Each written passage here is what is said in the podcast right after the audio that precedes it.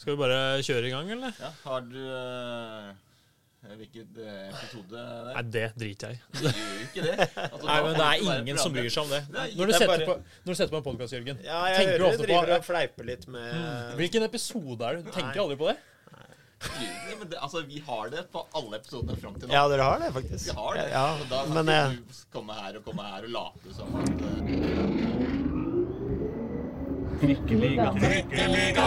uh, Lite annet å gjøre da enn å ønske hjertelig velkommen til uh, Trikkeligaen episode 31. Sesong 3. Stemmer det, Pål? Stemmer det? Og Som alle, som alle andre bryr seg om, eh, selvfølgelig. Uh, velkommen hit, Pål. Jo, takk, takk. I godstolen. Veldig hyggelig. Så har vi fått med deg uh, Jørgen Isnes, KFA-trener. Vi, vi må kanskje begynne, begynne der. Har du, hvordan var din start på denne uka? Ja, starten var jo for så vidt grei, og så var det en eh, ettermiddag, eh, kveld på mandagen, som blei eh, den ble varm på alle måter. Eh, og så var det en eh, tung tirsdag, men man er oppe og går igjen nå, så vi har eh, på en måte lagt det som har skjedd bak oss. Og Mm. så hadde vi litt reaksjoner eh, etter, etter kampen som vi følte var eh, på tide å si fra. Det er veldig sjelden vi gjør, men Mm. eh, vi syns at det var på sin plass. Men eh, vi må liksom ta den situasjonen. Eh, eh, Aron Kyhr Olsen får eh, rødt kort der. Det er feil, eller? Beskrivingen da, med ja, ja, ja, det, er gjerne. jo, men det kan jeg Grei ut. Jo, det er, vi er jo så heldige at vi kan drive og spole fram og tilbake og se situasjonen om igjen, og det kan ikke dommer. Mm. Så det er jeg full forståelse for. At uh, hun uh, skal ta en avgjørelse der og da. Uh, problemet er jo at hun bruker veldig lang tid på å blåse på situasjonen. Mm. Eh, og at eh, det virker som det er litt dårlig kommunikasjon med resten av dommerteamet. Eh, Mm. man får jo det med seg eh, når man står eh, på sida og har en fjerdedommer ved siden av seg. Mm. Så det er jo derfor jeg har noen kommentarer som er helt på sin plass Mm. på det tidspunktet. Eh, men selve situasjonen med Aron er jo at Aron treffer ballen.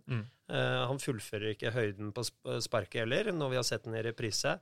Eh, og treffer da eh, spilleren, startspilleren i kassa.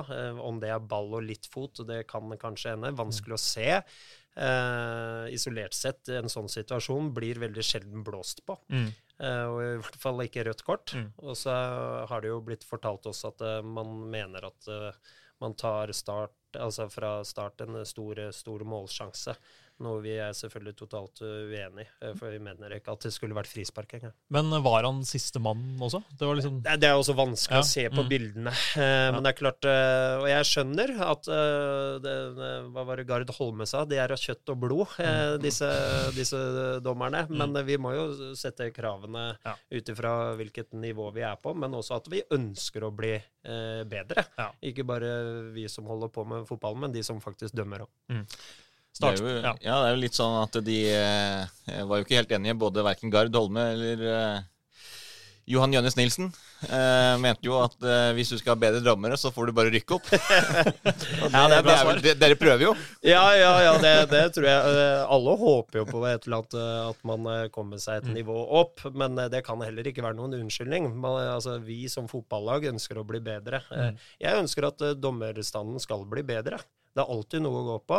Og da må man tåle noen ganger at det blir eh, litt reaksjoner etter kampene, og, eh, og at det blir tatt på en ordentlig måte. Og jeg var på at det eh, burde gi konsekvenser når det dømmes dårlige fotballkamper. Mm. På lik linje som at det gir konsekvenser for både trenere og spillere når du presterer eh, dårlig. For skal det være en del av dommer, nei, fotballfamilien, Mm. så må man på en måte være med på det. Blant annet så gjør de det i England. Da.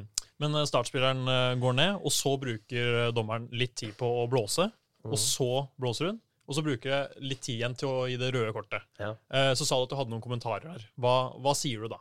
Eh, med en gang situasjonen med Aron kommer, så Mm. skriker jeg vel uh, Hva er dette for noe dømming? Ja.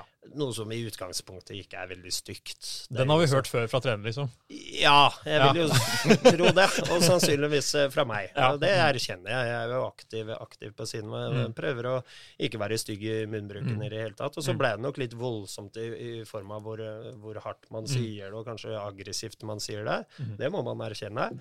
Eh, og så sa jeg vel noe som så er det fleip når hun går i uh, Ja. baklomma. Mm. Um, så tråkker jeg da over eh, sidelinja, og da hører jeg fjerdedommer sier rødt kort i Isnes. Ok, med Så- en gang?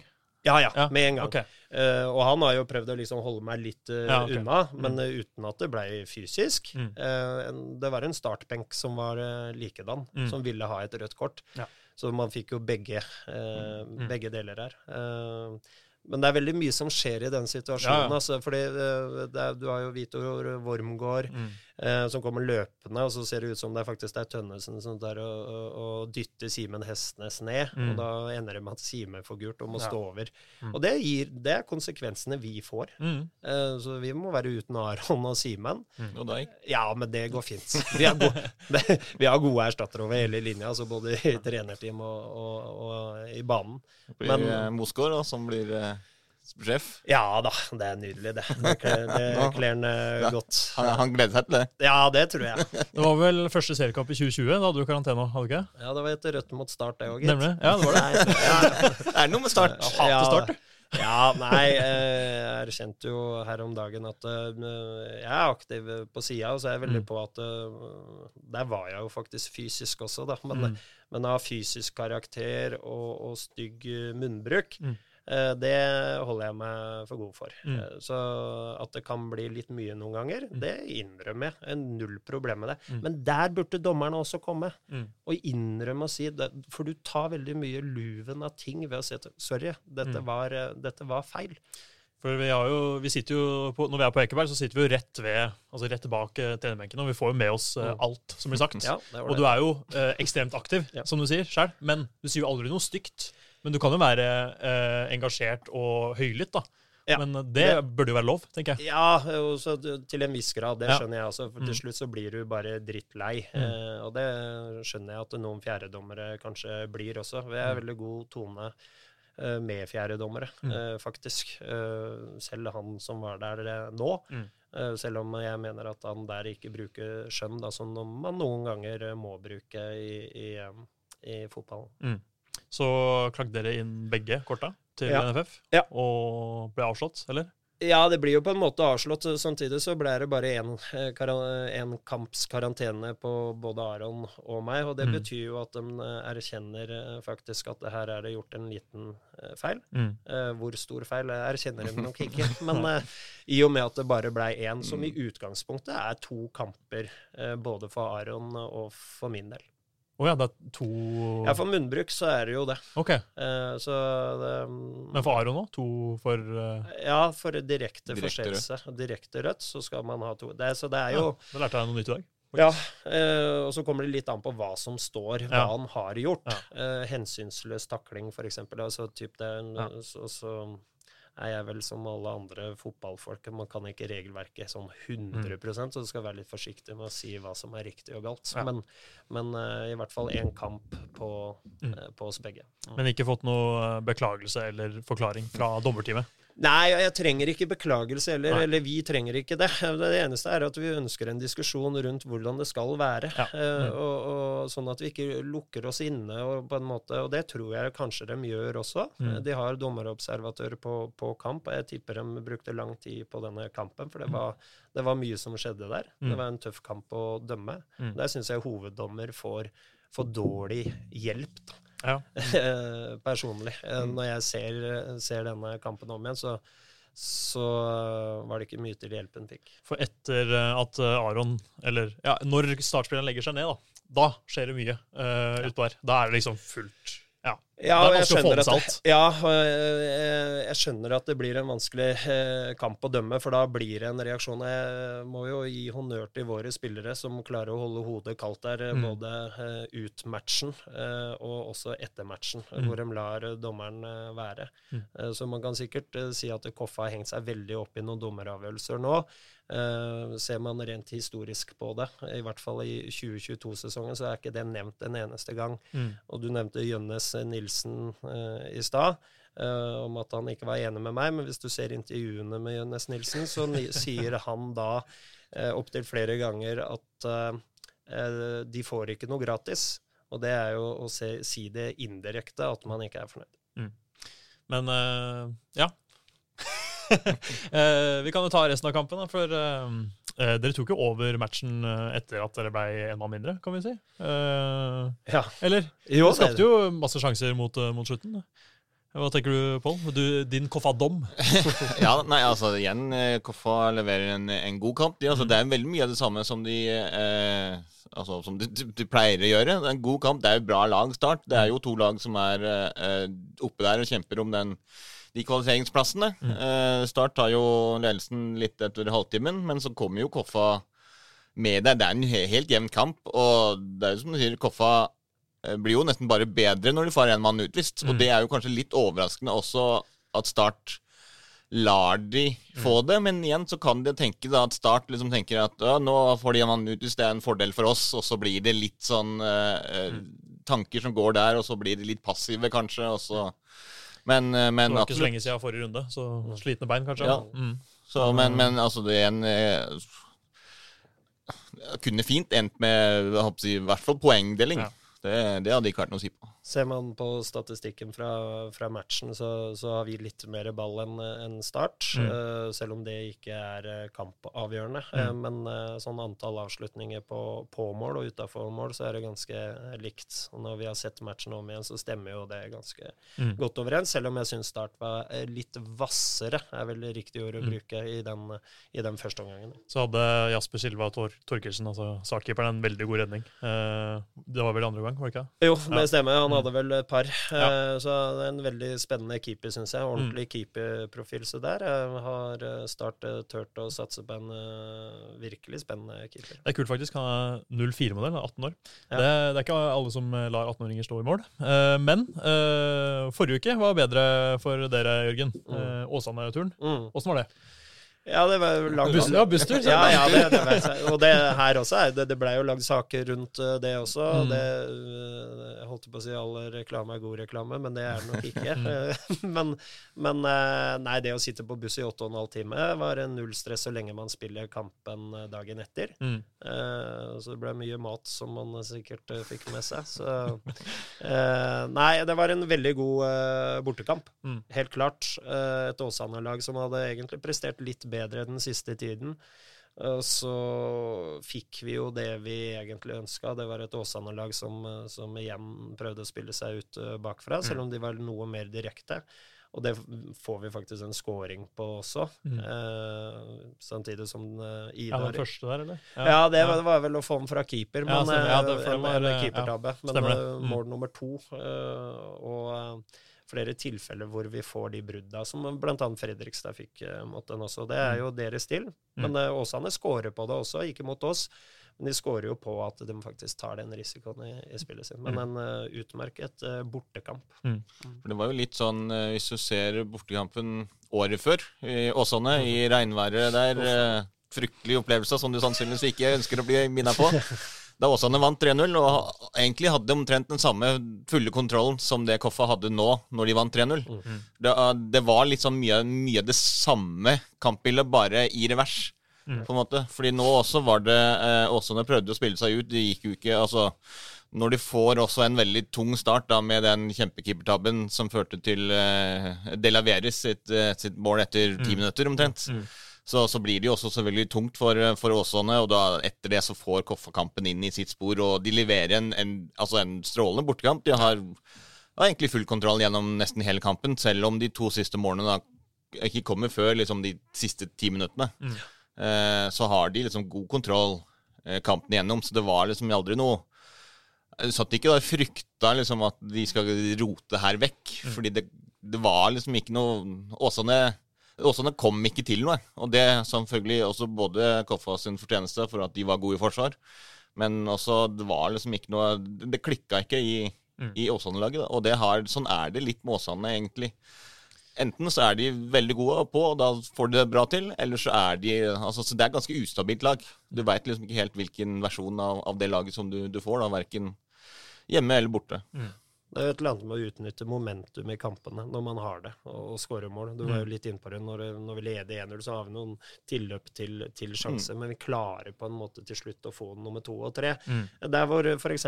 Skeid eh, sliter, da, når de har momentum i kampene, Mm. så er det ikke nødvendigvis sånn at de faktisk eh, skårer Mm. på det tidspunktet.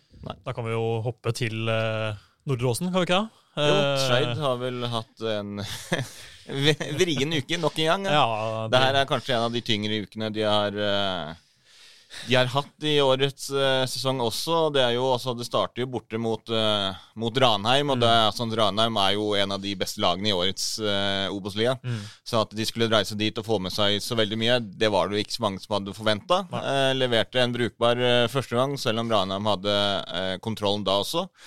Og Så hadde jo Skeid bytta ut eh, store deler av eh, ja, laget, altså de starta jo med eh, Budusson, og det, de starta med alle sine beste offensive spillere på, på benken. da, Mm. I Budusson og Hiksen og Mm. Napoleon.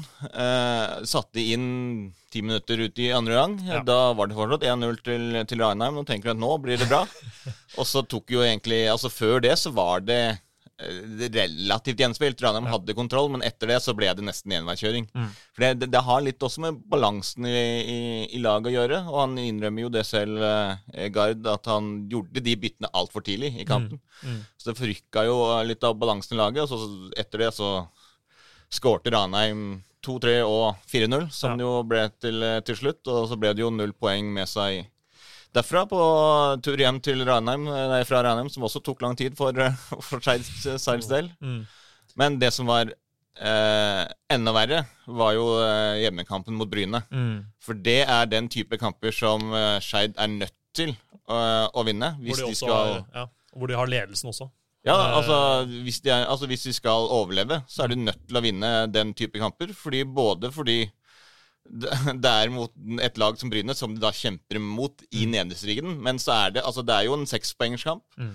Og i den, eh, den striden som de er, så må de ta poeng mot de lagene der. Og I hvert fall som de har vist seg tidligere, da. Når de har de har hatt gode lag ja, der, og de har spilt bra mot Brann, de har spilt bra mot Stabæk, de har spilt bra mot mange lag, sant? men tatt på overtid eller mista poeng. Mm. Eh, og det, er liksom, det holder jo ikke i lengden hvis du skal prestere bra og ikke ta poeng. Mm. Og Derfor så er det så viktig å gjøre det i de kampene her som du faktisk må vinne. Det er så mysterium eh, med Skeid at de har eh, så brei stall. eh, Og papiret ser jo egentlig veldig, veldig bra ut, men hva, hva, ja, tror altså, på papiret så ser det ut som at de har tre lag som er omtrent Ja, like gode, ja, men- at ingen av de er gode nok. Det er, det er litt sånn, fordi det har jo Håkon snakka om mange ganger Mm, her, at i, eh, i motsetning til, til Koffa, for eksempel, da, som har spillere som mm. Hvis du fjerner de fra laget, så blir de svekka. Mm. Sant? Så har ikke Skeid de samme type spillerne. Det er liksom, Du kan sette inn eh, Altså ikke nesten, nesten hvem som helst, da. Sant? Og så blir laget omtrent like bra. Det har liksom ikke så stor betydning om du bytter ut en Budesson for eh, Gabriel Andersen, f.eks. Eh, folk på, på midten der er liksom har Det er mange som har de samme kvalitetene. Men det er ikke de enerne der som liksom drar fram laget når det trengs. Og det er litt av de grunnen til at de kanskje ligger der òg, fordi de ikke har de der matchvinnerne som, som kan vippe det i deres uh, favør eh, i tette, jevne kamper. Hva gjør man som trener, Jørgen, når eh, man skal forberede the great escape? liksom? Når det, er, når det står med seks poeng på 14 kamper? Eh, Jeg har jo vært borti, eller vi har vært borti noe lignende, eh, men det er en del år siden. Mm. Eh, Men vi har hatt vonde perioder hvor vi ikke har vunnet kamper på en seks, syv, åtte kamper. Mm. Og det er liksom de vondeste periodene til Koffa de siste åra. Ja. Men jeg husker når jeg tok over Koffa, så var det vel 0-1-5 Ja. etter nedrykk fra Obos-ligaen. Mm. Det var i 2017. Stemmer. Mm. Og da lå vi desidert sist. Ja. Det, det, det er ikke noe fasitsvar på det. Jeg har jo troa på å finne tilbake til det litt enkle, Ja. eh, og ikke komplisere ting, for å frigjøre både energi og Mm. eh, hoder, eh, som kan da smitte over på spillet, Ja. eh, og kanskje de enkle tinga i eh, spillet. Mm. Så er det litt vondt alltid for en trener å kunne eh, Eller skal ikke kunne gå til de grepene. Ja. Eh, Fordi man har en spillestil og en filosofi man ønsker å være eh, tro mot. Så her er det mange ting å tenke på. Mm. Eh, Og det tipper jeg også Skeide har gjort. Mm. Så tror jeg den stallen de har, den er enig den er veldig bred, og den er jo satt opp mye pga. at de også har tredjedivisjon. Mm. Uh, der hvor vi har fjerdedivisjon, så Ja. kan den være noe tynnere, Mm. Faktisk. Kommer tilbake til Skei 2, Mm. som eh, fortsatt er ja, Ja, altså. det er jo helt Det er jo veldig paradoksalt. Skei Skeid Ja. 2 taper aldri. Skei 1 tapper taper alltid. Helt sjukt. Ja, beklager, men altså, ja, litt satt på spissen. Ja. Men uh, Det var jo litt sånn, det starta jo bra uh, igjen, Napoleon. Eh, Jakob Napoleon Romsås, som jo kanskje har Han har jo vært har fått gjennombrudd i år, og han har nok vært Skeids beste spiller så langt eh, i årets sesong. femte skåringa for sesongen nå. Ja, skåra mm. igjen, og førsteomgangen så altså Stort sett nesten hele kampen så var det nesten ingen sjanser. Mm. Eh, etter pause så noterte vi vel null sjanser totalt for Skeid, selv om de hadde ballen hele tiden. Ja. Eh, men eh, sant, 1-1-målet, for eksempel, hvis du tar det da, fra eh, Bryne sin del. Langt innlegg eh, fra nesten midtbana, Mm. Som liksom der han eh, Arne Gunnes får stå helt alene, midt, Mm. midt fra mål, stuse den, eh, eller styrte den ned i hjørnet. Altså Godt innlegg sånn i den forstand at du, hvis du legger den på mål, og noen kommer i liksom en liten stuss eller et eller annet, så er det da lettere for at ballen skal gå i mål. Men for, for Skeid sin del, i den situasjonen der, så det er altfor lett mål å slippe inn. Altså det, og Og så er det rett så før pause. Ja, så er det så Bryne som det går an å, å, å bli, da. Mm. Eh, med, med dødballer og innlegg og trykk og sånn, Mm. så det er velkjente ting. Og så er det Det går ikke så bra for eh, Grorud heller, eh, dessverre, Pål. Nei, jeg vi Eh. først må ta med oss avgjørelsen, da, at de tapte 1-2. Ja, ja. Det var også greit å gjøre. Det var jo dessverre en liten keepertabbe, eh, som vi nå ser det. Det er jo et frispark. Eh, det, at de, altså Bryne får én mulighet til å gå på kontring eh, i hele kampen, nesten. Og det er den som avgjør eh, kampen. Eh, får frispark da rett utenfor 16-meteren. Det frisparket blir jo slått av uh, Robert Undheim, som jo da skyter med en sånn liksom dupp skru på ballen. Mm. Sånn, uh, som det ser ut, så er ta, keeperen tar jo et skritt eller to for, altså i feil retning. Slik at den må kaste seg i, Mm. i feil retning etter ballen, som jo flakker litt. Og da slår han jo ballen rett opp i lufta. Og der står jo Daniel Hermansson Mm. Helt alene, nesten, og bare tryller ballen i mål. Mm. Og det er liksom det eh, Stort sett det Bryne har, liksom, Mm. i hele, hele kampen. Og to dødballer, da, som, som gjør at de eh, de vinner den eh, kampen her, og nå er det jo da sju poeng eh, opp til sikkerplass for eh, Begge to. Eller alle Ja, ja, tre, altså- hvis du tar med Stjørdalsblink. Ja ja, Stjørdalsblink eh, bryr oss ikke vi oss så veldig om. Nei, det, men, de eh, kan hapsi seile sin egen sjø. Men de er der nede, de òg. De er der, det, altså Alle de tre lagene har seks poeng, og det er jo hapsi fint, det. fordi da er det iallfall ett av lagene våre som får kvalifisering. Mm. Forhåpentligvis. Men det er akkurat de kampene der, fordi det er eh, Og det sa vi jo også nesten før start, at det, er, det kommer til å bli Kongsvinger og Bryne. Mm. Som er de lagene som de må kjempe om for å ha bak seg for å unngå nedrykk. For vi regna også med Stjørdalsblink skal ligge nederst. Mm. Og når du da taper hjemme for Bryne, blir det knalltungt altså, å, å berge plassen. Men uh... Har Skeid en liten fordel uh, i forhold til eh, Grorud, når uh, Skeid har klart å vinne to kamper, mens Grorud fortsatt har eh, Ja, det er det du ser. da. Du ser, du ser jo på liksom, den der statistikken, og så står de med to seire, mens de står med null null, s- ja, 0-0, altså ikke 0-14, da, for det hadde vært enda tyngre. Men, eh, men sånn, Seks uavgjort, da. Det er Ja. liksom, da er de jo på en måte Da er de med i mange kamper. hva, hva, ja, hva tenker du om det? Om, om, altså når du har to poeng, Mm. eller altså to seire da, og seks poeng, mens Grorud har seks uavgjorte, ingen seire på de første 14 kampene. Hva er, er det liksom noe mentalt som gjør at den ene har en fordel over den andre? Det er vanskelig å si, for det kommer litt an på hvordan de bruker dette inn i, inn i sin egen garderobe. og Det, Mm. det er dyktige folk, eh, både Gard og, og Gjønnes. Så, men det er klart, eh, når du ikke vinner fotballkamper, så kan, hvis det nå kommer en seier, så kan den bli så forløsende at Mm. du da kommer inn i en eh, stim. Det kan, det kan hende. Mm. Eh, og det er klart, eh, med tre seire på rad og sånn i, i Obos-ligaen, så klatrer du faktisk litt på tabellene. Så tett og jevnt som det er, for det er veldig få lag som klarer å komme inn i den Mm. eh, stimen. Det ser du bare på oss sjøl. De gangene vi har vært inne i gode perioder, Mm. så klatrer vi ganske mange plasseringer. Mm. Så her skal man ikke avskrive eh, noen lag. Eh, selv om jeg kanskje tror Blink er i såpass eh, dårlig stand Ja. sånn klubbmessig at eh, det kan bli vanskelig for dem. Eh, Skeid og Grorud de må ikke gi opp håpet. Der, eh, de kan klatre. Jeg ser jo at liksom, Grorud, de tre neste kampene, er jo Mjøndalen, Fredrikstad og Koffa eh, der. Og etter det så har de Stjørdalsblink, de har Kongsvinger hjemme, de har Bryne borte, og de har Skeid hjemme. Mm. De fire kampene der, Mm. eh, også eh, for, for Skeid òg, Grorud-Skeid-kampen 22.8, Mm. kommer til å bli helt, helt avgjørende for, eh, for sesongen. Fordi det er som, som Jørgen sier, hvis håper Selv om de taper nå de, de tre neste, og da har vel de 17 første kampene uten seier Mm. Hvis de da tar fire seire da, mot Stjørdalsblink, Kongsvinger, Bryne og Skeid, som jo ikke er umulig for Grorud, så er det en helt annen situasjon. Ja, så er det litt skummelt, å, litt skummelt å bare se på kampprogram. fordi man, Det var jo det uh, Skeid gjorde litt også med at eh, ok, nå er vi ferdig med den vanskelige rekka. Nå skal vi begynne på Ja, ja. Flere, flere seire. Og sånn er, sånn er ikke Obos-ligaen. For, fordi du, ja, du kan, det er kanskje bare Brann som ikke går an å Mm. slå. Da.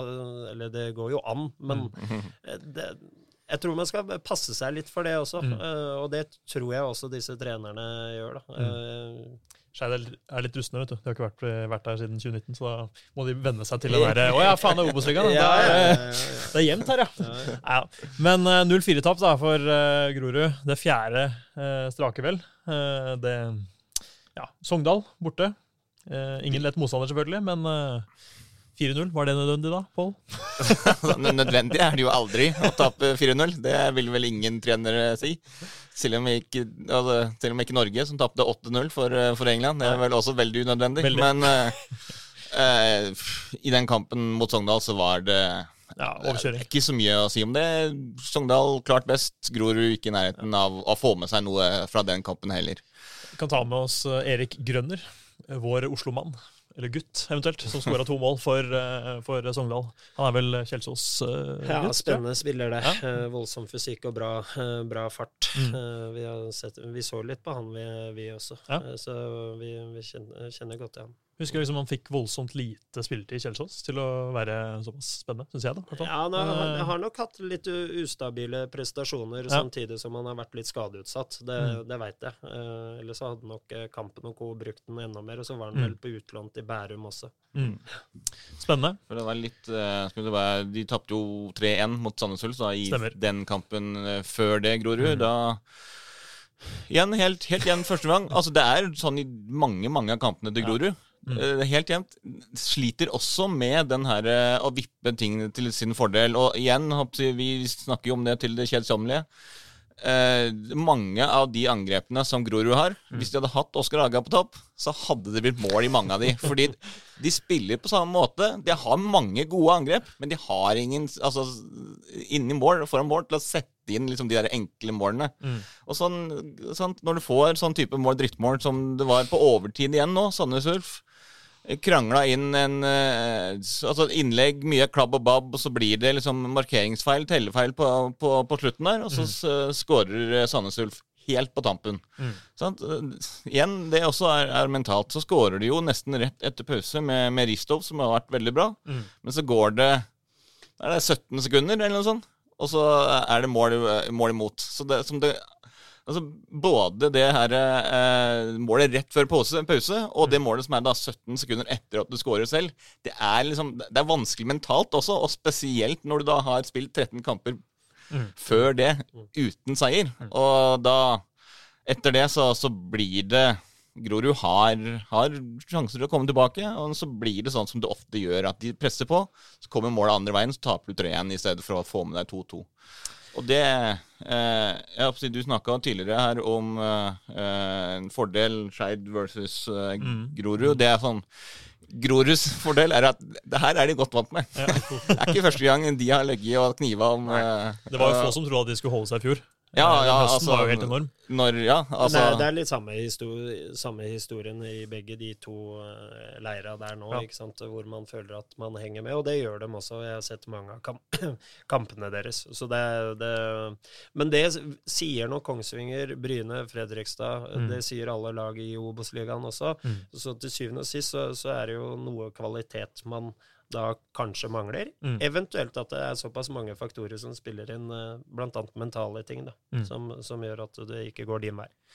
Når vi jobber oss nedover i, eh, i Oslo-lagenes eh, verden, holdt jeg på å si, Pål, så det, det går jo ikke bra for, eh, for alle her. Eh, Ullern også sliter eh, i en litt dårlig periode nå. Ja, det er vel stort sett bare Koffa og Lyn som eh, gjør det, gjør det brukbart. Resten, eh, resten sliter litt. Men uh, Så ny, eh, nytt hjemmetap for Ullern. Må ta med Nordstrand òg.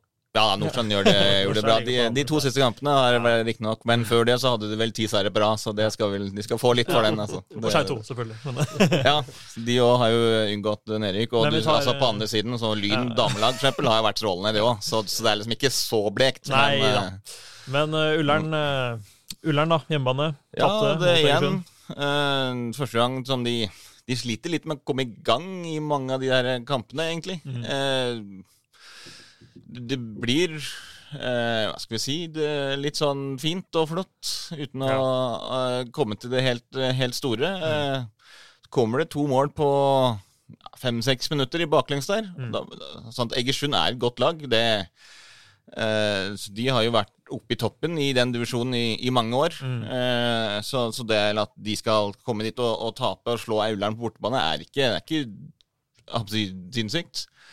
Men eh, tidligere i sesongen da, så var det sånn at Ullern vant hjemme, så tapte de borte. Mm. Eh, og det er Skal du berge plassen, så må du i hvert fall vinne hjemme når du ikke vinner borte. Nei. Og det å da begynne å tape hjemmekamper igjen, det er en veldig farlig trend. da. Selv om eh, vår mann Jens Bonde Aslaksrud, tidligere Kjelsås-spiller og venn av podkasten, og i hvert fall venn av vår vanlige programleder Aslak, Uh, igjen. Soleklar uh, toppskårer hos Ullern. Ja, ja. Han, og han skårer. Han, han, han, er, han er en veldig god spiss. Uh, han skårer mye mål. Han skårte mye mål for Kjelsås, og han skårer mål nå på, på Ullern. Så eh, god signering eh, for, for rulleren og en, en veldig viktig spiller som, for de å ha, i hvert fall i den kampen her, da, som, som ser ut til å bli en kamp mot, uh, mot nedrykk også for, for rullerens del. Og ja, det Ja.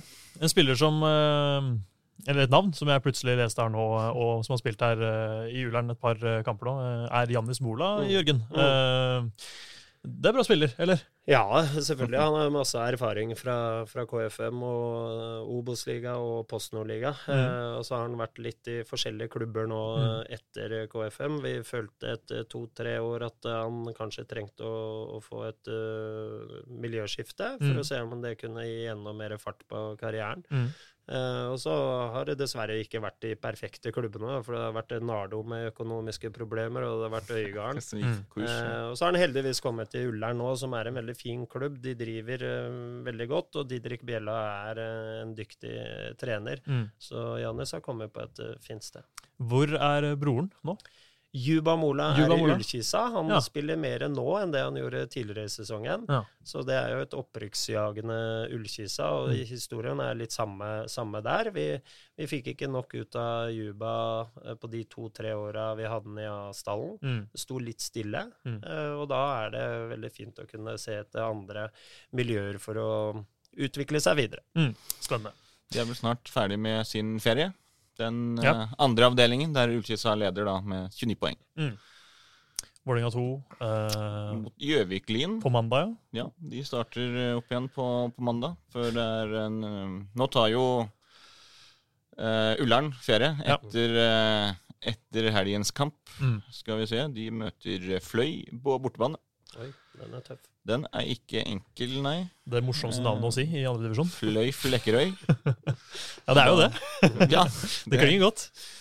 Eh, Da tar de, eh, tar de en ferie. Mm. eh, Og så begynner jo andre, den andre avdelingen opp da med, med, med Kjelsås og Vålerenga 2 og Frigg. Ja. Men da jobber vi oss videre nedover, vi. Nei. Eh, er det Hvor skal vi begynne, Pål? Skal vi ta Loke, eller? Vi kan begynne der du For Loke har jo vært eh, helt ok i, i tredje divisjon i år. Loke har Eh, vært veldig mye opp og ned. Ja. Altså, det, er veldig, altså, jeg synes det er alltid gøy å se Loke spille fotball, fordi det er en veldig eh, angrepsfotball. Akkurat. Eh, altså, de, de vil noe. Det er veldig positivitet. De skaper masse sjanser. Mm. Mm. Og så er det liksom eh, Det har sin bakside, på en måte. Når du, Ja, de har jo det. Altså, siden du spiller i tredjedivisjon, så er det åpenbart ikke verdens beste forsvar. Men det er jo akkurat det som at det er eh, Når det klikker for de, Mm. så er de kjempegøye å se på. Mm. Jeg husker jo om det var to-tre kamper siden, så de, burde de vunnet sånn 15-0. altså, de hadde så mange Ja, ja. Og hadde to brente straffespark og skjøt i tverrligger. Altså, det var liksom Men det er, det, altså, det er den derre entusiasmen Mm. og den derre angrepsviljen som, som står igjen for, for uh, Lokomotiv Oslo. Og en ting de ikke hadde klart uh, før eh, kampen nå mot Fyllingsdalen, og det var å holde nullen. Og det klarte de, og slo dem 2-0 på hjemmebane. Så det var uh, fortjent og veldig bra. Uh, Os grei. Den så så grei. vel du? Den så jeg. Selvfølgelig gjorde du det. Midt, midt på dagen på mye mål, i hvert fall. Storkamp. Uh, nei, altså, det, det, den første gangen var relativt traurig, om man kan beskrive det på, på den måten. Os hadde veldig mye ball. Grei forsvarte seg veldig bra. Eh, hurtig, altså de, de eh, Hva heter det? De forsvarte seg godt med at de var hurtige i, i bakre ledd. Der de forsvarte seg Skifta til side til side. Altså, det var eh, det, brukte mye, mye krefter da, på å holde Os unna. Mm. Og helt på tampen, eh, ja, på overtid, eller rett sekunder før, før slutt, da, så var det jo en lang ball som ble banka i, i bakrom til eh, Ebrima Jamé, Mm. Som jo fikk tak i den, kom seg inn i 16-meteren, runda en eh, forspiller og banka den i motsatt kryss. Mm. Altså, Han hadde jo ikke skåret mål for grei før, så det var jo en veldig grei måte å gjøre det på. Det var et fantastisk mål, altså. Og da tenkte de liksom, ja, kan det hvis de, fordi da hadde de jo forsvart seg veldig bra i den første gangen. Så tenkte de liksom, ja, kan det her bli, ja, bli bra. Og så slapp de jo inn fem mål da i andre gang, så det gikk jo ikke, gikk jo ikke strålende. Det Nei. tok jo halvannet minutt da, før, eh, eh, før de utligna. Mm. Og så var det ja, Første halvtimen etter pause var ren overkjøring. Mm. Det var de, altså, angrep på angrep for, eh, for Os. Det var innlegg, det var skudd, det var ja. Mm. Så de, de, det var veldig bra. Marius Mikkelsen skåret jo hat trick for, eh, for Os. Mm. Før Jamea skåret igjen helt på tampen. Mm. Og så var det jo da toppskåreren deres Roger Ekeland, som jo har spilt tidligere i Sandnes Ulf, blant annet, eh, som skåra på overtid og, og fastsatte det til, til 5-2. Og det, det var veldig for, fortjent. også. når du leverer en så god uh, andregang som det, som det Os gjør, Mm. kunne skåret 7-8-9 mål. Veldig gode Og de er jo på fjerdeplass, så det er jo et bra Ja, det er det, liksom. det beste laget, som vi sier. Det er vel det beste laget som ikke er fra Oslo Ja. i, den, eh, Mm. i den avdelingen. Så ja, neste da. øh, Nordstrand Stabæk 2, kanskje. Det, som hadde hvor mange overtidsminutter? Elleve, eller? Ja, Var, ja, det, ja, det var to mål i ja, overtid, det eller? var uh... Det var røde kort der òg. Ja, Ja. Ting, ting skjedde. Ja. Kan man, eh, det kan man, eh, kan man trygt si. Det var jo eh, Det var jo en veldig skal vi si, Det var gøy kamp, i hvert fall gøy avslutning. Ja. Fordi Det- var jo Det gikk jo et, nesten en omgang der òg, før det første målet kom. Og det var Luka Feifrich som ga Nordstrand ledelsen 1-0. Mm. Eh, Rett etter pause, sekunder etter eh, avspark, så, så utligna jo Stabæk 2. Mm. Eh, og så gikk det jo Altså til det 98. spilleminutt, da, Mm. før Nordstrand fikk eh, målet. De prøvde jo og prøvde. Eh, Leander Telle ble utvist for Nordstrand Nordstrand Mm. minutter før slutt, og det så liksom ut som at ikke skulle bli den dagen for, for Nordstrand, som jo måtte ha eh, poeng etter at de kampen før tapte 4-0 for Oppsal. Og det var liksom etter at de har vunnet ti strake kamper med å holdt nullen i åtte eller ni av de, liksom. Mm. Og så plutselig mot no Oppsal så taper de, blir de Ja. Ja, det var overraskende. Ja, den, Mm. Ingen som så den Nei. komme, så derfor måtte de jo ha eh, De måtte ha med seg alle tre poengene her, egentlig, Mm. for å holde trøtt med, med Lyn, som jo fortsetter å vinne. Jeg Da- var og så Nordstrand Oppsal, eh, faktisk. Den ja. 4-0-seieren til Oppsal.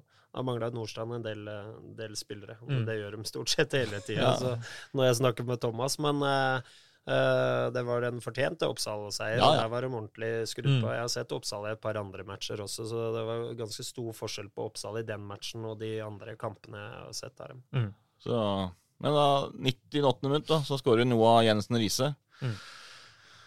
Sjølmål. De får jo tvingt inn det.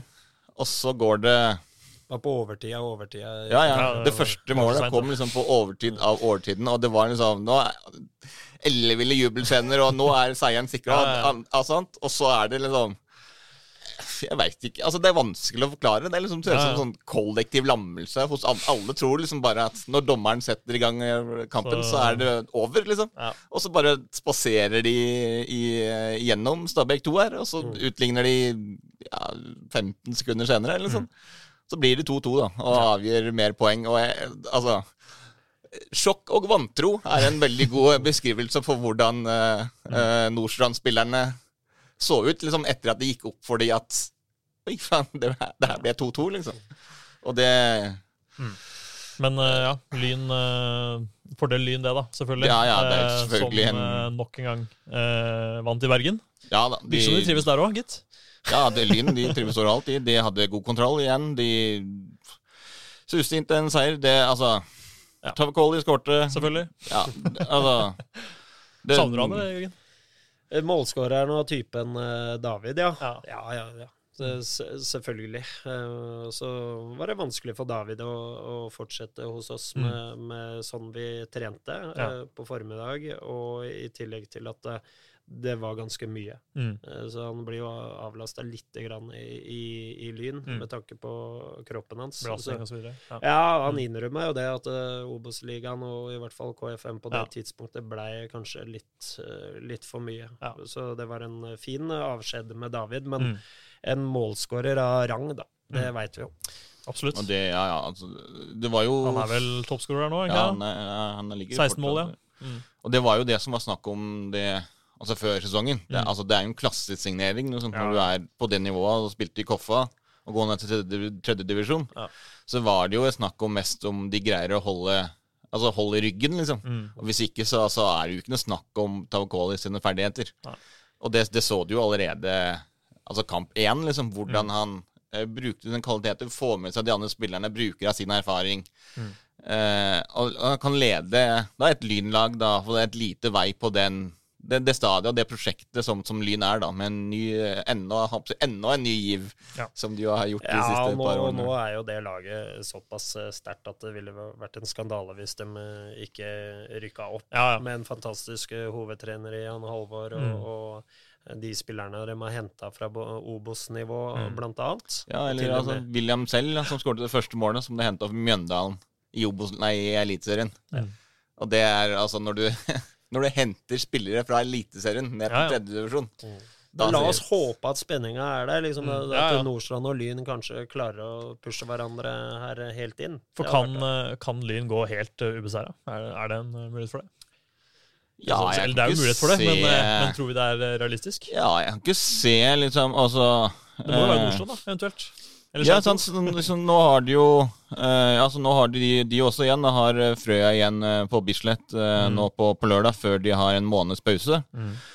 Eh, og etter det så er det Kjelsås 2, Grei, Fyllingsdalen, Skei 2. Altså De har slått alle de lagene her før, og de er bedre enn enn dem. Men det er en sånn type Absolutt som det står mot Grei, da. Sant? Den kampen som jeg også, også var på. da fikk de jo Da tok de også oppskriftsmessig ledelsen, liksom. Så fikk du en mann, mann utvist, og så snudde jo Grei kampen. Og så måtte de kjempe veldig hardt der for å komme seg tilbake og unngå, unngå tap. Så selvfølgelig er det mulig. De, de skal jo bort mot Lokomotiv Oslo, som jo har på å Hvis de har dagen, så, så Ja, ja. kan jo det gå inn. Så Eh, har du disse andre lagene. Er liksom eh, Skei 2 er, har vært veldig gode i år. Grorud 2 kan stille, Mm. stille sterkt og er gode også, selv med bare unggutter. Mm. Og Nordstrand er jo et uh, veldig godt tredjedivisjonslag, så Mm. De kan nok gå på et uh, Ja. tap mot disse, disse lagene, tror jeg. Se Nordstrand-Lyn er 16. oktober, nest siste serierunde. Det kan jo bli eh, den opprykksfinalen, det. Det hadde vært moro. Så da må jo regne med at Nordstrand må hente inn noen Ja. flere tribuner eh, eh, til den kampen. Sånn. Låne Ekeberg. Ja, ja. ja det, det stiller vel Koffa opp med. Det det. ta det på, ta det på Ullevål. Ja. 30, 25 000 der på oppstillingsfinalen Nordstrand. eh. Det verste er at eh, hvis Lyn der hadde trengt Altså trenger de ett poeng, liksom, for Ja. eksempel. Så altså, Det er nesten sånn at Lyden kunne fylt den stadion der alene, så lenge som de har venta på, på det opprykket. Ja, det blir moro. Så De sier jo selv at de kan eh, Hva er det 100 000 menn i smoking eller faen på en halvtime, eller hva et eller annet som, som Espen driver og sier hele tiden. Han Ja. er jo tidligere lyn, eh, lyngutt, men eh, at det ser bra ut for Lyn, det, det er ingen overraskelse, og det er som forventa. Jeg setter 16. oktober i min kalender, i hvert fall. Eh, Da er det neste Ready Grorud 2. Og Grorud 2 de, de har noen eh, talenter der òg, gitt. Eh, Elias uh, Aarflot, er det det? Ja. Han, Ny, uh, nytt mål. Nytt mål. Uh, Han også er blant de som, som jakter uh, Tavakoli da, Ja. på, oppe på toppskårerlista, eh, sammen med, med Oliver Midtgaard i Nordstrand. De har vel skåret 13 mål på 14 kamper, begge to, tror jeg. Mm, Hvis jeg ikke husker eh, Mm. Helt feil. Og det er jo altså, Det er jo ingenting annet å si det, men at det er strålende. Liksom. Når du skårer mål i hver kamp, da, Mm. så kan du ikke gjøre så mye, mye bedre enn det. Mm. Og det er jo som, eh, som Jørgen sa, Grorud 2 er et, eh, et veldig godt lag. Det altså når de eh, de stiller med, med, med sine beste spillere, på en måte. Altså Det som Grorud 2-laget kan, kan stille. Så har de levert eh, mange gode, gode kamper, og spesielt eh, Spesielt så er jeg liksom imponert over, over bortekampene deres. Mm. For det er jo veldig mange unge spillere der. Ja, ja. Men altså, at de greier å styre kampene, at de greier liksom å ha den, eh, den roen, eh, troen på, på sine egne ferdigheter, Mm. på den spilleplanen og det spillemønsteret som de har, og, og få med seg da de, de seierne de har, og skape Altså, de spiller mange gode kamper, altså. Mm. Som de gjorde nå også mot, eh, mot Reddy eh, borte. Reddy er jo Skal vi se, dessverre Nå som det ser ut nå, da, så er det jo eh, tre av av de lagene som vi frykta litt kunne være de som skulle rykke ned. da. Ja. Fordi når vi har så mange lag som vi har i, i den trikkeligaen, så, så er det jo dessverre litt sånn at eh, det skal mye til for at alle holder seg. Og da, Mm. da er det jo Reddy Grei og Kjelsås 2 som akkurat nå ser ut som er de som eh, som, som uh, sliter i, i bunnen her. Og så har Det er er jo kort vei opp, vet du. Ja, du, du har Stabæk 2 på 11 poeng, rett over streken. Du har Sandviken der på 13 poeng. Du har Frøya eh, på 16 poeng. Og så har jo Oppsal kommet seg litt nå, da. Så nå har de jo Ja. 19 poeng, så, så det, det skal nok gå, gå greit for, eh, for, eh, for de. Men eh, Oppsal har jo spilt eh, to matcher, som vi må ta med oss nå. Uh, Oppsal spilte jo i går kveld. ja, vi tar det ferskeste først. Det, det ble jo ikke hurra, hurra der heller. Nei, det ble vel både dårligere før og etter kamp. Det hørte jo så jo Jeg så litt på, så litt på kampen. Ja. Eh, selv om Oppsal hadde litt eh, ball. De mangla jo en syv-åtte spillere, tror jeg. Ja. eh, Oppsal. Stemmer det. Eh, men de var effektive. um, Fyllingsdalen, altså. Mm. De var det. Og noe pizzagreier var det det som var etterpå. Uh, Ja, det var vel lagt ut noen videoer på, Ja. på sosiale medier. Jeg At Fyllingsdalen kjører fra noen pizza, og så var det noen fingre og Ja. litt Ja. Det, eh, Og Grydeland, det. Grydland Ja, han er uh, en fin mann. Uh, Grydland skaper i hvert fall blest rundt eh, Oppsal. Det skal han, det skal han Ja, må ta med søppel, da. Det må man. Ja, Ja, det, det- så absolutt. Eh, da, jo, uh, Kjelsås 2 var jo eh, forrige match til Oppsal. Der ble det ett poeng, i hvert fall. Eh, nå eh, Ja, Kjelsås 2 med ti poeng, altså. Ett poeng opp til eh, trygg plass. Og bedre på målforskjell enn Stabæk, så Ja. Det, Kjelsås 2 de, de har jo ikke overraskende fått det litt tøffere enn det har gjort det siste. Det var jo et lag som var veldig godt gående da, i fjerdedivisjon. Ja. De hadde en, altså veldig, mange av de samme spillerne som har spilt sammen ganske lenge. Mm. Eh, så de leverte veldig mye gode prestasjoner, og så har de jo egentlig beholdt mye av den samme stammen i, i Kjelsås 2. De samme, mye av de samme spillerne som, som er der, men så er det jo ett nivå opp. Og så har du jo fått inn en rutinert uh, ringrev bakerst der i, eh, i Terje. Mm. Eh, Kirsebom.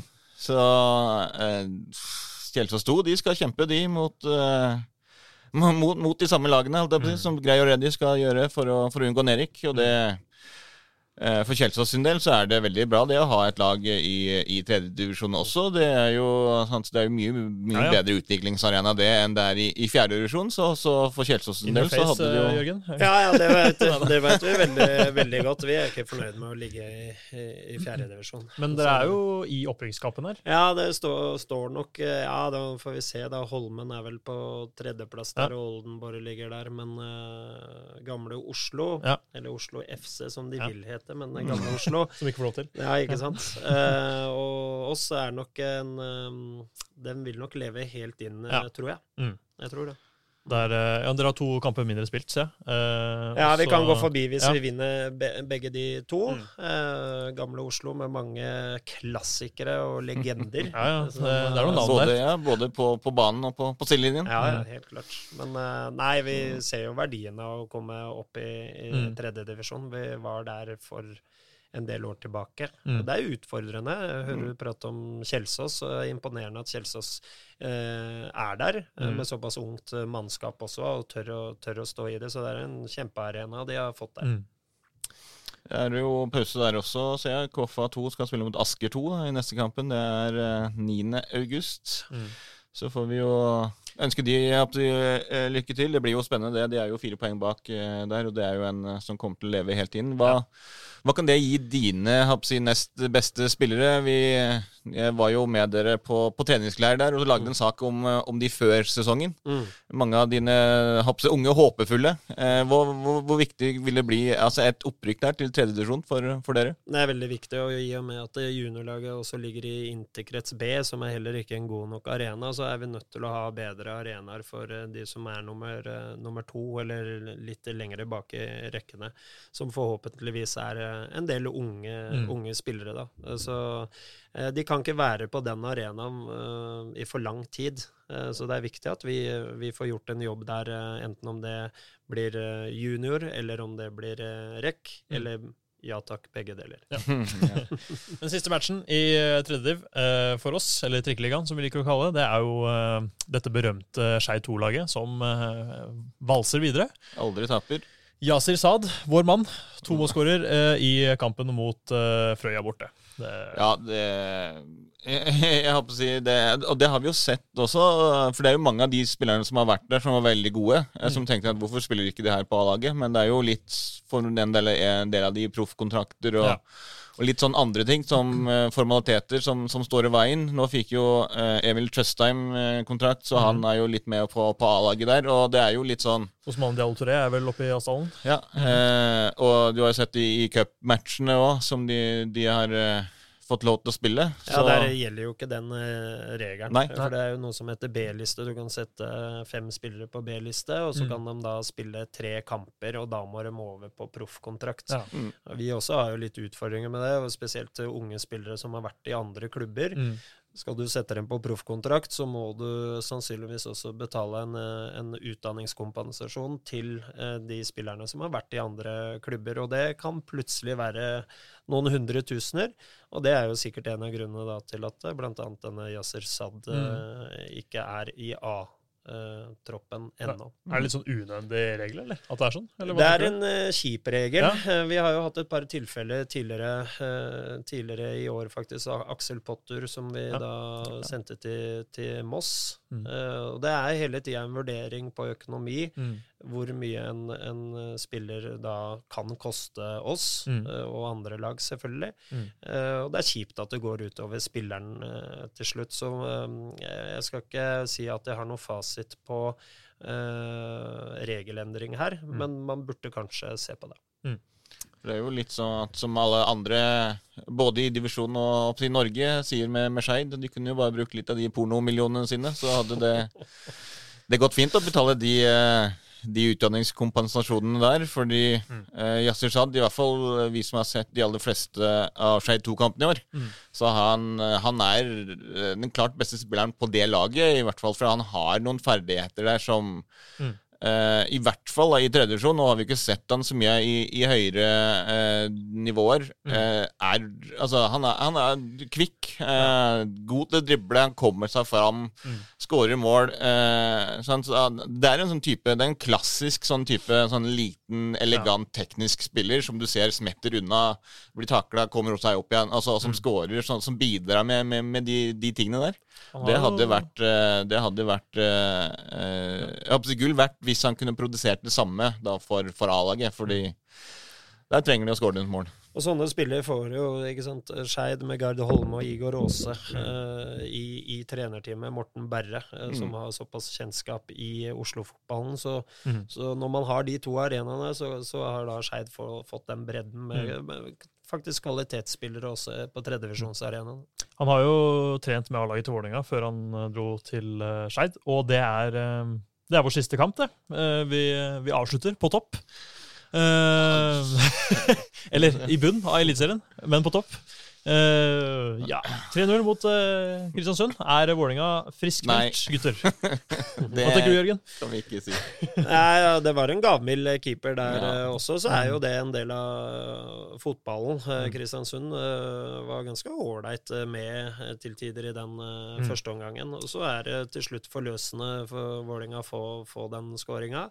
Det skjedde jo noe da Udal kom inn, med hele Vålinga. uh, Ja, det, han er jo målskårer av rang, Ja. og det, det viste han også. Så viste, og det likte jo publikum selvfølgelig, når Mm. han er så aggressiv og, og fin i, i presspillet sitt også, som resulterer til eh, Mm. skåring i tillegg. Mm. Så blir jo det en sånn enorm smitteeffekt Ja. på, på både hvordan Vålinga ser ut utover i den kampen, Mm. men også selvfølgelig over på klanen og, Mm. og resten av Vålerenga. Det var forløsende, rett og slett, eh, for Vålerenga. Og det første Udal gjør, er jo å gå eh, rett i en takling. Altså to Ja. sekunder tar det, og så har han eh, takla en eh, Kristiansund-spiller. Det andre han gjør, er å snappe ballen fra keeperen.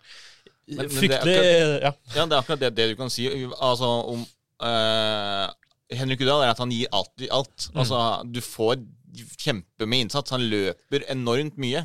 Mm. Og det som han også sa, altså, han, det, er- det er jo det her han gjør hele tiden. Mm. Og det har vi jo sett også selv altså, i det kampet han ikke har, har scora, eller eh, altså, ikke heller spilt den spesielt eh, så bra. Så Mm. han løper alltid mot keeper. Han presser keeper. Han, han, han jager ned alt. Eh, så at de, altså Før sesongen valgte jo ikke selge Henrik Udal, men Mm. ikke bruke han. Og sette han bak Sidi Jatta, det er eh, en vanskelig prioritering for oss å forstå. Selv om det er jo selvfølgelig folk der som har sett han mye mer på trening enn det vi har. Mm. Men som du skrev i din kommentar, at nå og må det liksom være Henrik Udal sin tur til å få en sjanse eh, Ja, over litt flere Ja. kamper, da. Problemet sånn. nå er jo at uh, han pådro seg en skade i den kampen, og uh, trente alternativt i dag. Uh, og er usikker til Sarpsborg på søndag. Så det er jo kjipt. Sant? Så da blir det jo med Sidi Jatta da på topp. Ja da. Da men eh, det kan hende at uh, Sarpsborg-kampen passer han bedre. Det gjenstår å se. Men uh, Ja, det vil være kontringsrom mot Sarpsborg, vet du. Mm, Så det, det er en annen type, type kamp. Eh, Så det var flere som kommenterte det, sånn inn mot Kristiansund-kampen. Ja. det er jo litt rart, uh, rart spissvalg, tenker jeg i hvert fall. Mot, uh, Ja, det kommer litt an på hvordan de ønsker å å fremstå selvfølgelig i angrepsspillet sitt. Da. Og det veit ikke jeg sånn eksakt, selv om jeg Mm. føler meg som fagmann. Men, men det var et klokt bytte, i hvert fall. Og en fotballkamp varer i 95 minutter, og det må man også ha litt respekt for Mm. som, som fotballsupporter også. Hvor du har gamechangere som kan gå inn og faktisk være avgjørende de siste 45-50 minuttene. Så Mm. uh, der traff jo det. Eh, Nå ble jeg litt nysgjerrig. Har uh, Koffa eh, eh, eh, forhørt seg om noen Vålerenga-spillere de siste åra? Ja, det titt og ofte. Men, men hvorfor blir det aldri da? Nei, det dreier seg, og det må man også ha respekt for. Altså, Vålerenga har, eh, Vålerenga har en, eh, en stall. Mm. Eh, akkurat i år så har den ikke vært sånn enorm Det har ikke vært sånn enorm bredde på den. Mm. Samtidig så har de et Vålerenga to-lag eh, i Post Nordligaen som er viktig for dem å, å holde oppe. Mm. Så her er det mange faktorer som spiller inn. Men det for oss, i spillelogistikken vår, så, så ser vi i Oslo-området Ja. først. Mm. Og da kan det være Vålinga, men det kan også være eh, spillere som ikke får tillit i Skei, Det kan Mm. være spillere som ikke får tillit i Grorud. Altså, eh, eller spennende spillere i Ullern. Ja. Um, og så må vi kanskje litt over grensa og se mot eh, Follo eller eh, Lillestrøm eller eh, Det er sånn vi jobber. Og så jobber vi oss utover. Eh, helt Men, klart. men hvilke navn har vært på blokka fra Vålerenga? Flere av disse unge, unge Ja. gutta uh, har, uh, har vært aktuelle. Så Risnes, for eksempel? Og, Ja, de, de, de ser vi på i, i Ja. Post Nordligaen. Eh, Mm. Så må vi bedømme det selvfølgelig opp mot hva vi har. Mm. For det er ganske viktig for eliteserielaget også. Når hvis de skal sende spillere til eh, Obos-ligaen, så må de på en måte spille. Mm. Og det er ikke alltid like lett å, å um, love. Mm. Så, men Vålerenga har flere spennende unggutter som er naturlig at både Skeid, Grorud og oss sjøl sjekker ut. Eh, Det er det. Men eh, hvis du ser troppen til Vålerenga nå, så skjønner jeg også at eh, det er ikke bare å sende masse spillere ut på, på lån. Jeg har lova å ta med en melding fra, ferierende programleder, Aslak Borgersrud. Mas på Jørgen, som vanlig, om Vålerenga-jobben. Hvis du måtte ta en eliteseriejobb, hvilken hadde du tatt? spør han. Nei, det er flere spennende klubber i, i Feil svar, i tror jeg. Men, ja, for, for meg så er det helt, helt feil. Disse lagene har, har trenere. Ja. ja. Vålerenga har det. Men, men det er jo noen klubber i Norge som er uh, sannsynligvis kulere å trene enn andre. Mm. Uh, og det, det skjønner jo alle, Ja. tror jeg. Men uh, det er litt interessant med sp- spillere og trenere som har- er fra Oslo, Ja. men aldri har vært i Vålerenga sjøl. Hva er ditt forhold til VIF? Eh, det var anstrengt når jeg var spiller i, i Skeid. Ja. Eh, Det var fordi Vålinga var på det samme nivået. Ja. Eh, og du hører jo Skeidoksene i dag. De, de har ikke mye til overs for uh, Vålerenga. Mm. Og det, det er sånn det, sånn det er. Jeg er mer avslappa på det nå som jeg har blitt trener, selvfølgelig. Mm. Men uh, når jeg var Skeid-spiller, så var jo, elska man jo å slå, Mm. slå Vålinga, Og det gjorde vi et par ganger også, så det Mm. det var, det var det forholdet. Spennende. Det kan jo hende at eh, en vakker dag så eh, blir du Vålerenga-trening. Hvem, Og jeg er ikke spiller, altså. Nei, Jo, derfor- kanskje. Ja, ja, ja. Ja, altså, de jeg, er trenger god, jo jeg er god til å prate. De trenger jo eh, spillere nå, som de Ja, ja. sender vekk spillerne sine hele tiden og selger spillere før de får eh, registrert nye. Ja. Norsk, norsk fotball eh, trenger Vålinga i toppen. Ja. Man trenger Brann i toppen. Man Mm. trenger Rosenborg i, i Lyn. toppen. Og da, ja, og Mm. Lyn, for den saks skyld. Og Koffa. Så da, da er vi der. Ja, det er bra. Så, så ble jo vi enige at du skulle ta over Hammarby, var det ikke det? Når jeg var i, i Sverige på, på ferie. Ja, det, men for et fantastisk eh, lag, da. Og det, Mm. det som skjer borte i Sverige der, er jo eh, Det er derfor jeg nevner disse lagene Ja, storbylagene. Mm. Om man kan komme dit Mm. eh, igjen, da. Mm. Fordi det å sitte og følge med på svensk fotball nå, og ser Hammarby sine hjemmematcher med eh, 30, 30 000, det, Mm. Det er jo selvfølgelig noe alle vil oppleve. Det var en bosnisk journalist på Vålerenga-trening i dag faktisk, som ble helt sjokkert da jeg fortalte at uh, stadion her eh, har bare vært full én gang. Han bare Hæ, er det sant? Jeg bare ja, ja. Hvorfor det? Nei, jeg vet ikke. altså, vi trenger eh, Det trengs motstandere her. Det trengs konkurrenter i byen. Og ja, vi trenger flere opp. Ja, jeg tror det. Og så trenger man et eh, Nå er det fortsatt tidlig i sesongen, men Mm. man trenger et Vålinga i, i toppen. Og får man et Vålinga i toppen, så tipper jeg det kommer tilskuere også. Det er jo bevis på fra, fra tidligere sesonger. Mm. Men uh, Henrik Udal, to målskårer, og Amor Lajoni skåra det siste for uh, Vålerenga. Da er vi eh, Lajoni også får litt mer, mer, mer tillit, fordi Ja. han også så vi når jeg, vi var med de nede i eh, Algarve. mm. Jeg syns nesten at Amor Lajoni var Vålerengas beste spiller i, Ja. eh, i eh, oppkjøringen. Og at de da, eh, nesten rett før sesongstart, mm. valgte å leie inn eh, Aron Dønnum og Tafek Ishmael. Mm. Eh, Og nå, nå har jo også Lajoni slitt med litt, litt småskader, Mm. men allikevel, det er liksom det, det, Den signaleffekten, da, Ja. den var eh, eh, Altså, får du muligheten til å hente tilbake Aron Dønnum, eh, altså publikumshelt og alt det der, så er det kanskje vanskelig å liksom takke nei. Ja. Men uh, i etterpåklokskapens lys da, så er det veldig lett å se at eh, ingen av de to uh, låneovergangene var spesielt vellykka. Og da kunne de jo kanskje hatt mer, eh, mer ut av å, å, å prøve Lajoni da, i, i flere kamper, som han jo skårte igjen. og Altså, Om ikke annet, så han, han prøver i hvert fall. Han skaper ting. Han, Ja, men, eh, jeg syns han er, er positiv når han får sjansen. Han har hatt godt av å komme på høyrekatten, tror jeg, eh, i Fagermo-system. Da blir han mer involvert og utfordrer mer og drar seg inn. Og, ja, det er mye bedre. Så, eh, men da er vi vel ved, ved veis ende, er vi ikke det, Karstensen? Eh, Jo, vi eh, kan vel ta en liten eh, fortjent eh, pause og komme sterkere tilbake neste uke. Da er det vel eh, Kaller du det pause? ja, toppserien eh, tilbake. Det er Ja. vel Tom Stenvold, Lynn-treneren, som vi skal ha i, eh, i studio. Han kommer. Og eh, de vil jo vel, eh, trene Lyn har kanskje begynt. Vålerenga begynner å trene på mandag. Ja, og da er det vel eh, De hadde jo to måneders pause, så nå er det bare én måned igjen. så det er vel eh, på tide å sveive i gang litt, eh, litt toppserie nå. Det blir, eh, blir bra, det. Det glemte jeg jo helt å spørre om i stad, Jørgen. Mm. Men eh, er du for eller mot VAR? I og med at vi snakka mye om ja, dommer, det, det, er veldig godt spørsmål, det. Jeg tror mm. alle ser hvor bra VAR er mm. eh, når det begynner å fungere. Eh, blant annet i England. Etter hvert, i hvert fall. Så vil det være sånn enkelt, eh, enkeltepisode som tar for lang tid, og så, videre, mm. så blir det en feil. Eh, det viktigste for meg, det er at vi, vi profesjonaliserer dommeryrket. Eh, og kanskje samtidig eh, med VAR, mm. men at vi får helprofesjonelle dommere i, i Norge. Mm. Og at uh, igjen da prestasjonskravene øker, og det, det, tror jeg er bra for dommerne. Jeg mm. tror det er bra for norsk fotball. Mm. Uh, og kanskje starte der istedenfor å ja. kaste seg på, uh, på VAR. jeg er litt i tvil hvordan det der blir i norsk fotball, så jeg ville heller tatt og jobba med der skoen faktisk trykker. Ja. Du har jo litt eh, Hvis du ser på f.eks. mållinjeteknologien, som jo er noe helt annet, men, mm. men, der er det jo liksom Der er det ikke noe Altså Der er det mål eller ikke mål. Altså, den er veldig grei, og alle liker jo den. Mm. Altså Det er ingen som klager på 'Å nei, nå har vi mållinjeteknologi'.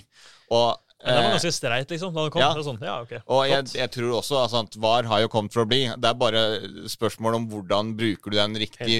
Ja. Hvordan eh, eh, Altså, sånn som nå, senest i går på, på damekampen mm. Det tok jo tre og et halvt minutt, liksom. Og du eh, og Både på stadion eh, Vi har vært et par ganger med VAR på stadion. Du får ingen informasjon der. Sitter bare og venter. Det gjør du jo som tilskuer også. Mm. Sant? Og da eh, må du i hvert fall få lov til å være med på den eh, reisen. Du får høre liksom, på hvilke betraktninger tas. Mm. Se bildene, slik at du kan bli involvert selv, i mm. hvert fall. Og så må du da bruke eh, til å utvikle teknologien så den blir bedre. Nå i eh, VM som, som, kommer, som eh, i Qatar, så skal de jo prøve seg ut der halvautomatiserte offsides. Eh, sånn, det er en del sånne teknologiske nyvinninger som, eh, som kommer, og så lenge eh, du får brukt den teknologien riktig, mm. så tror jeg ikke folk klager på det. For det målet er jo selvfølgelig å få mest mulig korrekte avgjørelser. Ja. Og så lenge de får hjelp til det, så er det liksom ikke noe ja, Så kan du sitte sånn Ja, sjarmen er ditt og sjarmen datt, ja. men det er liksom hva er sjarmen at det blir feil, liksom? Det her, jo, det her må vi ta en annen episode. Ja. Eh, når uh, Eliteserien uh, får det neste år, eventuelt. Men da er vi ved veis ende. Takk for at du kom, Jørgen. Midt i fellesferien. Ikke verst, det? Ja, det er ikke mye for deg, kanskje. Men, vi har hatt bare ni dager fra, fra sein mai til ja. tidlig juni. Så Veldig bra. Men uh, lykke til videre i sesongen. Takk. Uh, takk for at du var med, Pål. som alltid. Ja, ja. Så, jeg stiller opp. Høres vi igjen neste uke.